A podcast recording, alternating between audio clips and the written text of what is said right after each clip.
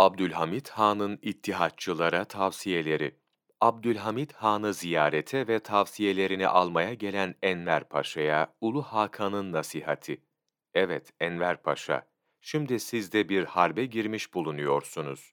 Fakat bu iş acele olmuş, hissiyata kapılarak memleket tehlikeye atılmıştır. İnşallah devletimiz ve milletimiz için hayırlı ve şerefli biter. Fakat hafazan Allah, felaketli biterse, ister misiniz ki bu da bize Anadolu'ya mal olsun? O zaman elimizde ne kalır? Hareket ordusuyla İstanbul üzerine yürüdünüz, muzaffer oldunuz, şehri zapt ettiniz, saraya kadar dayandınız, beni de hal ettiniz. Hepsi güzel. Unutmayın ki, emrimdeki kuvvetlere asla ateş etmemelerini, kan dökmemelerini bildirmiştim. Eğer bir mukavemet görseydiniz, bu size pek pahalıya mal olacaktı. Ancak bu sayede hiç kimsenin burnu kanamamıştır. Fakat arkadaşların gözü hiçbir şeyi görmemişti. Tedbirlerimi beğenmediler. Beni kaldırıp bir paçavra gibi sokağa attılar. Üstelik 31 Mart hadisesini benden bildiler. Halbuki bunda hiçbir alakam yoktu. Asileri tahrik edenler elbette vardı. Fakat bunlar asla saraya mensup kimseler değildi.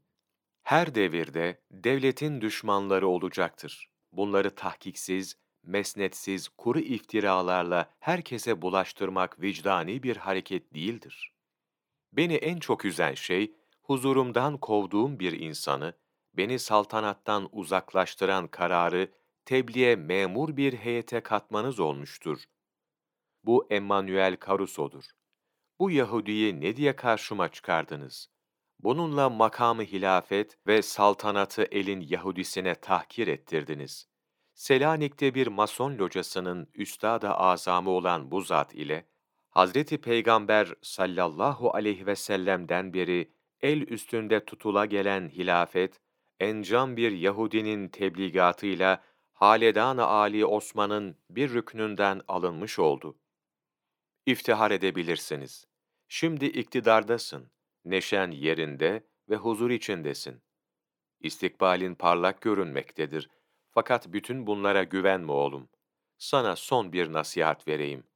Bugün insanı alkışlayanlar, yarın onu paralamasını da bilirler.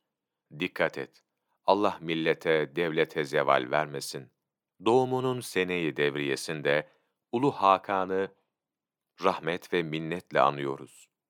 Necip Fazıl Kısakürek, Ulu Hakan Abdülhamit Han, 10 Şubat Mevlana takvimi